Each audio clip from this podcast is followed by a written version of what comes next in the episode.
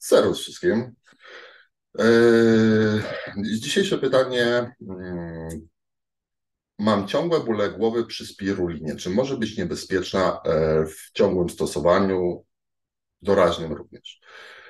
E, no trochę to nawiązuje mm, do wcześniejszych pytań o, o spirulinę, ale już objaśniam zgodnie z, z moją najlepszą wiedzą.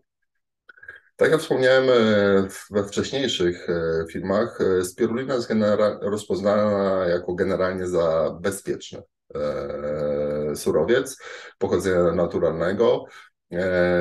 To, co się rejestruje w literaturze, to są takie łagodne efekty uboczne, które właśnie obejmują łagodne, przechodzące nudności, wymioty, biegunkę czy zaburzenie pracy układu pokarmowego, ale również właśnie łagodne bóle głowy, zawroty głowy, przesadne zmęczenie. Nie wszyscy na to tak reagują.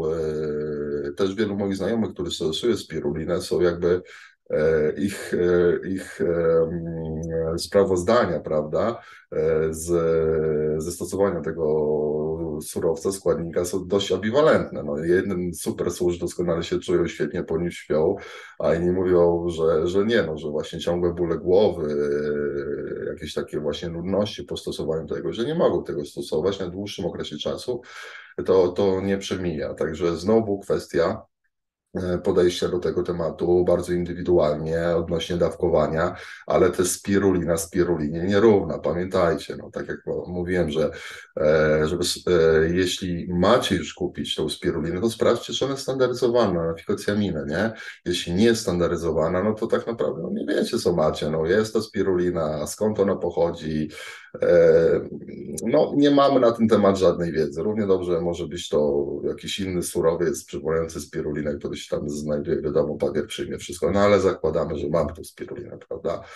E, także oprócz takich łagodnych efektów, e, największe zagrożenia, no to to jest to, że jest to alga, prawda, która długi czas przebywa e, w oceanie ona może gromadzić dużo, dużo metali ciężkich, także to jest takie po, jedne poważne zagrożenie, że będziemy obciążali organizm inerki metalami ciężkimi. Drugie, o którym też wcześniej już e, w innym filmie wspominałem, no to jest jakby nadaktywacja, prawda, układu immunologicznego, e, czyli może przyczyniać się do pogorszenia E,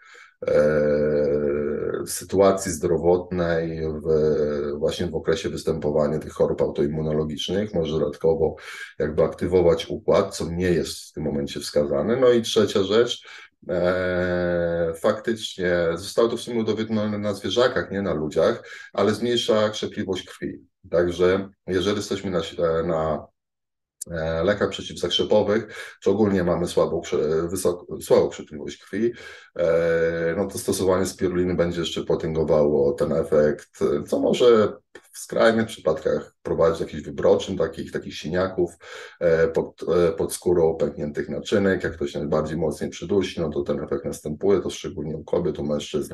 U, u mężczyzn może E, mnie jednak, no jeżeli traficie, że tak wyrażę, pod nóż na, na chirurgię, e, no to może być problem z zahamowaniem krwawienia, prawda? Trzeba będzie podawać jakieś środki e, wzmagające zdolność organizmu do, do, do krzepnięcia krwi, no właśnie przez to, że stosujemy jakby połączone E, połączenie leków przeciwzakrzepowych i spiruliny.